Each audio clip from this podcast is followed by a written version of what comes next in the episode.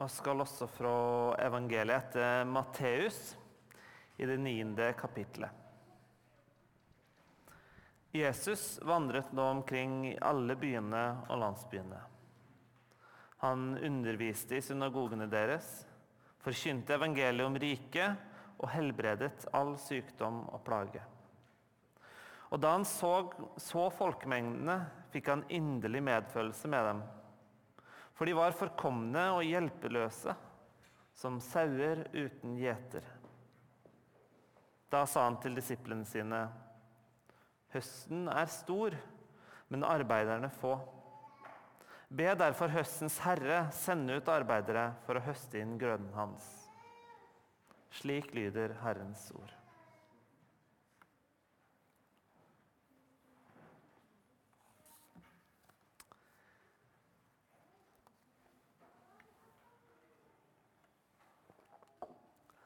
I dag så tenkte jeg at jeg skulle gå gjennom teksten litt eh, skritt for skritt. Det er en nokså kort tekst. Og for noen av oss, sånn var det for meg, så var liksom min første reaksjon det var litt sånn um, Det her er liksom det samme mantraet som går gjennom hele Jesus-fortellingen. Det er liksom bla, bla, bla. Jesus går rundt og gjør gode ting, og så, han, og så sier han et eller annet til disiplene om at de skal gå og gjøre det samme, og så, og så bare går den liksom forbi glemmeboka. Det er liksom ingenting nytt og spennende. Og jeg må si at liksom, når jeg så at det var den teksten som var i dag, så har jeg lyst til å bytte søndag i kirkeåret, for jeg tenkte det var litt lite som skjer. liksom. Men så er det litt sånn at når en begynner å lese skikkelig i Bibelen, så dukker det kanskje opp litt andre ting likevel så er det utrolig mye gull. Jeg skal starte med det første verset.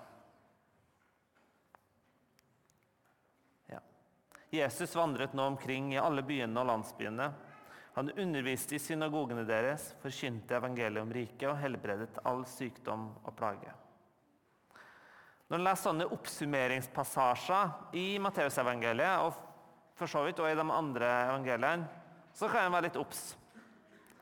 For det kan bety at nå er det noe nytt som er i ferd med å skje. Når vi oppsummerer litt, så betyr det at nå starter en ny bolk i historien om Jesus. Dette er etter Jesus har hatt bergprekenen, har hatt undervisninga si. Og Det som skjer etter den teksten, her, er at for første gang får vi høre at Jesus har samla de tolv disiplene.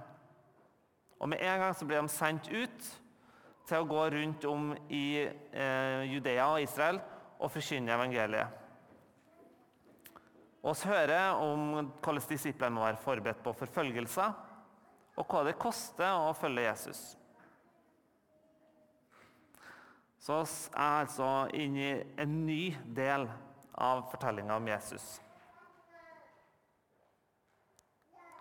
Og da han så folkemengdene, fikk han inderlig medfølelse med dem for de var forkomne og hjelpeløse, som sauer uten gjeter. Jesus så folkemengden, og han fikk inderlig medfølelse, sto det. Tidligere oversettelser har brukt 'rystet i det innerste'. Og det greske ordet sier jeg, da liker å brife med det, det er 'splagnitsomai'. Det ordet kommer egentlig fra innvolla. Og For Jesus så ligner nok det litt på den følelsen som eh, kanskje menn i salen her får når vi ser den videoen som kommer på skjermen nå.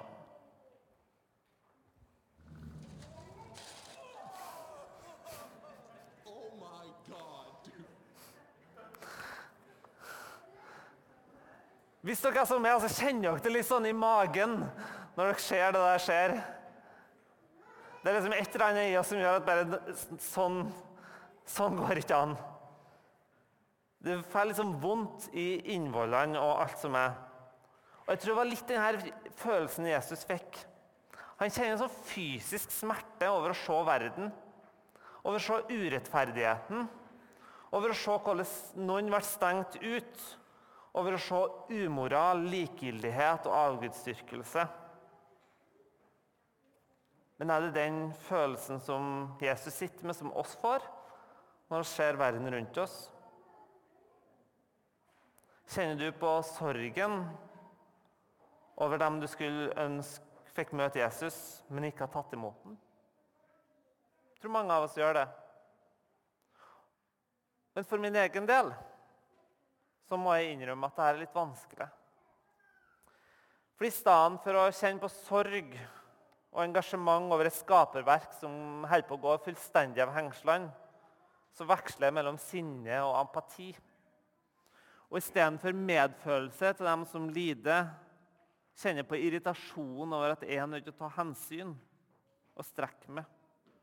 Og i stedet for et brennende ønske om å dele evangeliet med dem som ikke tror, så kan jeg kjenne at jeg innerst inne begynner å dømme dem som ikke tenker sånne tanker som jeg tenker. Jeg dømmer for uvitenhet og manglende tro. Jeg vet ikke hvordan det er med det.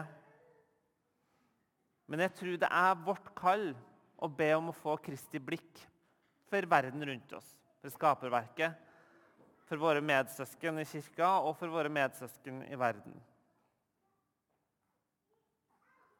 I den kjente misjonssangen 'Din ryggsak Jesus være skal', sier det andre verset Gi meg ditt ømme frelseskinn for slektens sorg og for harm. Lukk meg i dine smerter inn og gjør meg sterk og varm. Hjelp meg å skue med ditt blikk hvert folk som liv og grenser fikk, og bære verdens nød og skam med kjærlighetens offerbrann. Til døden tro, tålmodig, sterk og fro. Jeg skal fortelle en historie fra mitt eget liv. Noen av dere har kanskje hørt henne før, men jeg syns det illustrerer litt hvordan Gud virker.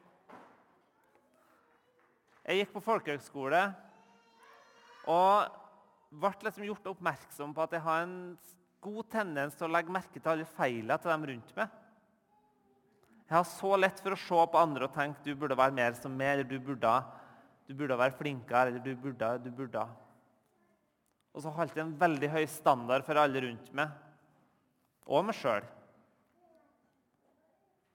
Så tenkte jeg jeg må begynne å be over det her så begynte jeg å be fast om at Gud, kan du vise meg hvordan du ser folk?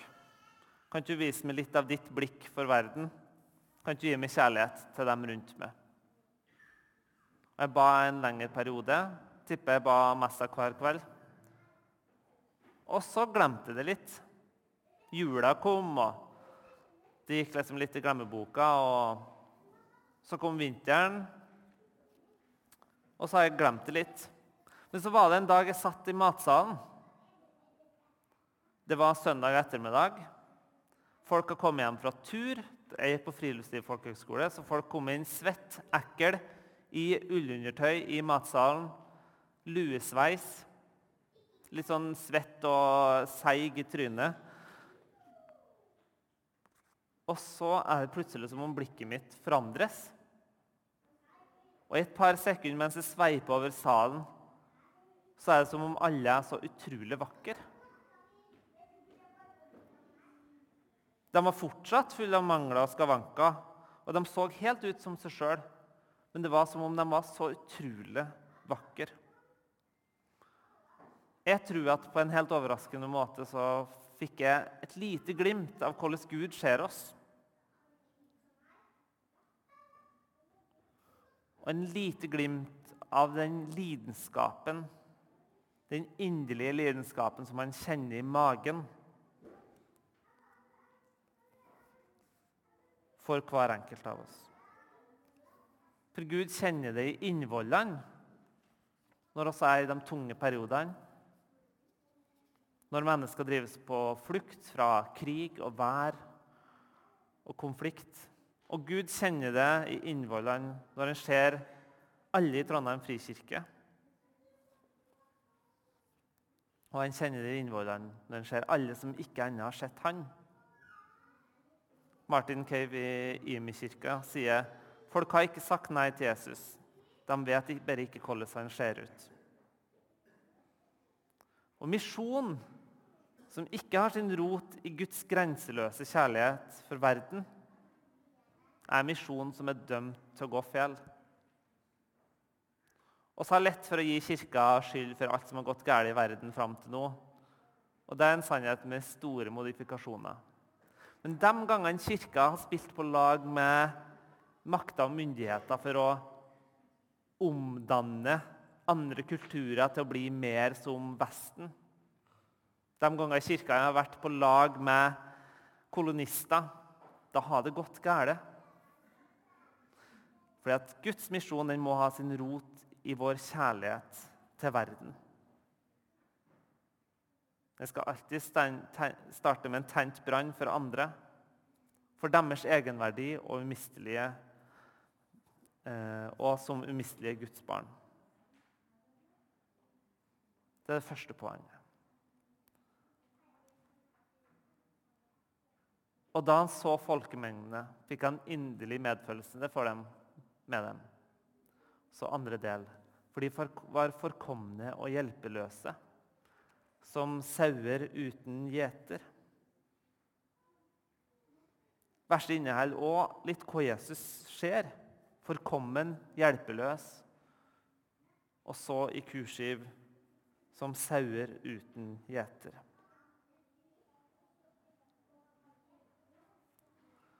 For den som hørte Jesus si det her, så tenker jeg det var to ting, to bjeller som ringte.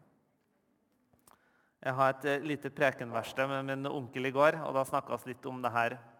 Og han kunne fortelle at hvordan gjetere forholdt seg til sauene sine på Jesu tid.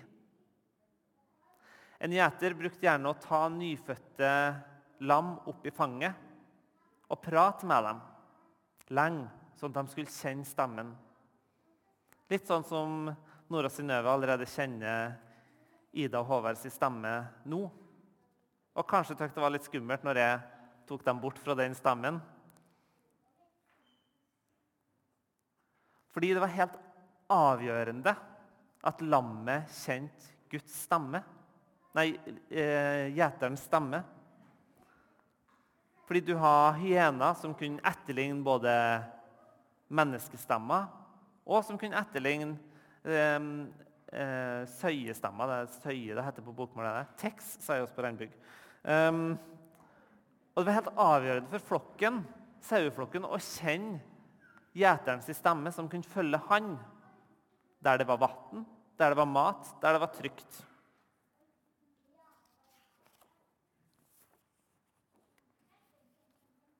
For oss er det òg avgjørende å kjenne Guds stemme. Å kjenne Mesteren, Herren, si stemme. Jesus si stemme. I Johannes 10, 27 så står det Mine sauer hører min stemme. Jeg kjenner dem, og de følger meg. Jeg gir dem evig liv. Og I et samfunn hvor informasjon og opplysning er overprodusert, og så blir helt bombardert med informasjon hele tida, så er det helt avgjørende at oss lærer oss å høre Guds stemme. Guds stemme om hvem oss er som Guds umistelige barn. Når Instagram-feeden forteller det at du ikke ser bra nok ut. Nå Guds stemme som forteller oss at det der, det bør du kanskje slutte med.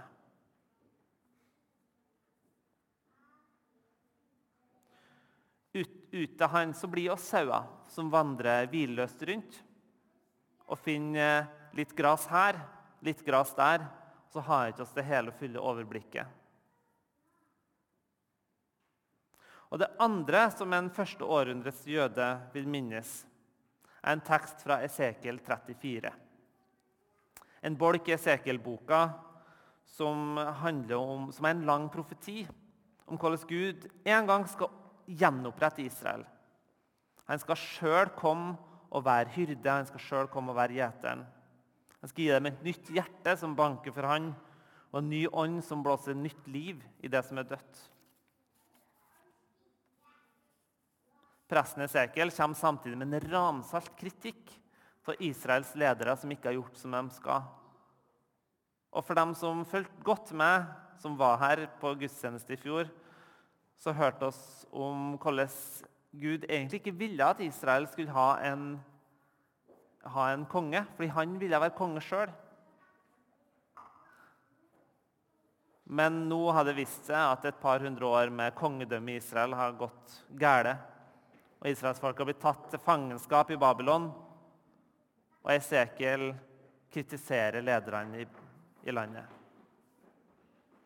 Men han lover at en dag så skal det komme en som skal være hyrde for hver enkelt. En dag så skal Gud sjøl komme.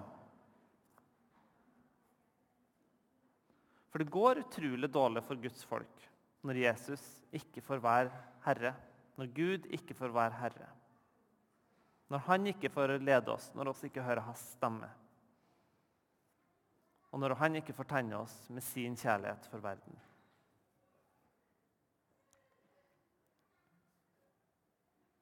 I Esekiel 34, 15 så lover han «Jeg vil gjete sauene mine og la dem hvile, sier Herren Gud. Jeg vil lete opp de bortkomne, føre tilbake de fordrevne, forbinde de skadde, styrke de syke, vokte de fete og sterke og gjete dem på rett vis. da sa han til disiplene.: Høsten er stor, men arbeiderne få. Be derfor høstens herre sende ut arbeidere for å høste inn grønnen hans. Det første vi skal legge merke til, er at Jesus poengterer at høsten er stor.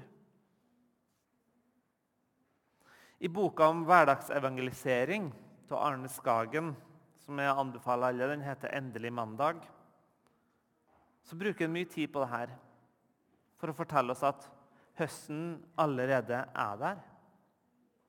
Og oss er ikke kaldt til å gå ut og sanke umoden frukt. Du kan gjerne gå ut en kornåker nå i juli og prøve å trøste kornet. Det vil ikke funke. Og oss er ikke kalt til å treske korn i juli. Iallfall ikke i Trøndelag. Som Jesus sier i Johannes 4.: Løft blikket og se på markene. De står alt hvite mot høst. Det er mange som er moden frukt. Og kanskje er noen her i dag som har opplevd at Gud har sådd litt og litt og litt inn i livet, så han kanskje er klar til å komme på gudstjeneste. Kanskje er noen her som er klar for å si et stille ja til Jesus. Fordi Gud han jobber med hver enkelt av oss. Oss kan ikke vekke fram troa i noen her. Det er kun Den hellige ånd som kan gi troa til oss som gave. For det er mange ut der, og mange her, som er moden frukt. Som er klar til å ta imot det Gud har for dem. Kanskje med et lengsel etter en hjem, lengsel etter tilgivelse eller mening, eller noen som bare kan bære i de tunge periodene. Det er Gud som forbereder. Det er han som gir vekst. Og I neste kapittel så hører vi hvordan disiplene går ut og får beskjed om at hvis de kommer til noen som ikke er klar, så bare gå. Da er ikke de klar. Da har ikke Gud gjort dem klar. Jeg skal få slippe å tenke at jeg skal overbevise Richard Dawkins om at Gud fins og skal få slippe å overbevise folk rundt oss om at Gud fins, at han elsker dem, at han har frelst dem. Eller at han ønsker å frelse dem. Og skal egentlig få slippe å overbevise. For det er Den hellige ånd som gjør. Det vi kan gjøre, er å invitere. Vi kan våge å fortelle om hva oss har sett. Og vise Kristi kjærlighet til verden. Men det er fortsatt kun Gud som kan vekke troa i hver enkelt. Det er for få arbeidere, sier Jesus. Be derfor høstens herre sende ut arbeiderne for å høste inn grøden hans.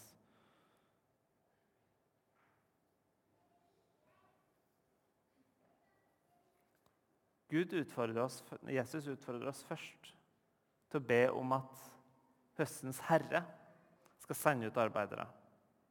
Kanskje er noen her som kjenner i dag kallet til å gå ut til noen.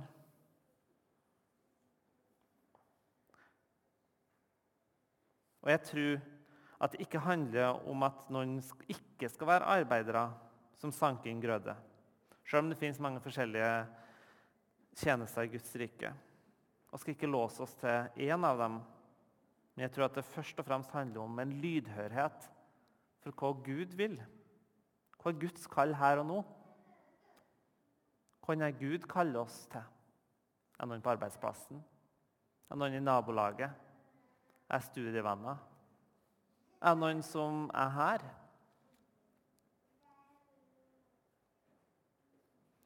En ting som Jeg blir fascinert over, er hvordan disiplene bare går ut rett etter de er kalt. Går de rett ut og forkynner evangeliet. Jeg snakka med ei som driver litt misjonsarbeid inn mot et asylmottak i Norge. Og Hun sa at de som var de største misjonærene, det var de som har vært én eller to ganger på møte, og som ennå ikke har tatt imot Jesus. Det var de som var først ut med å fortelle om Jesus. Vi behøver ikke å være ferdig utlært. Så kan jeg bare dele av det vi har sett. Skal jeg summere opp litt. Det må være Guds kjærlighet som driver oss til arbeid for Guds rike. Og oss kan be om at Gud viser oss sitt hjerte for verden. Det er Jesus som er den gode herre for våre liv. Og oss kan øve oss i å la han lede oss. Og Det er kun Den hellige ånd som kan la troa vokse fram. Oss kalles kun ut til sank modent korn. Oss kan be om at Gud sender arbeidere, og be over om Gud kaller oss til noen som er klar. I Jesu navn. Amen.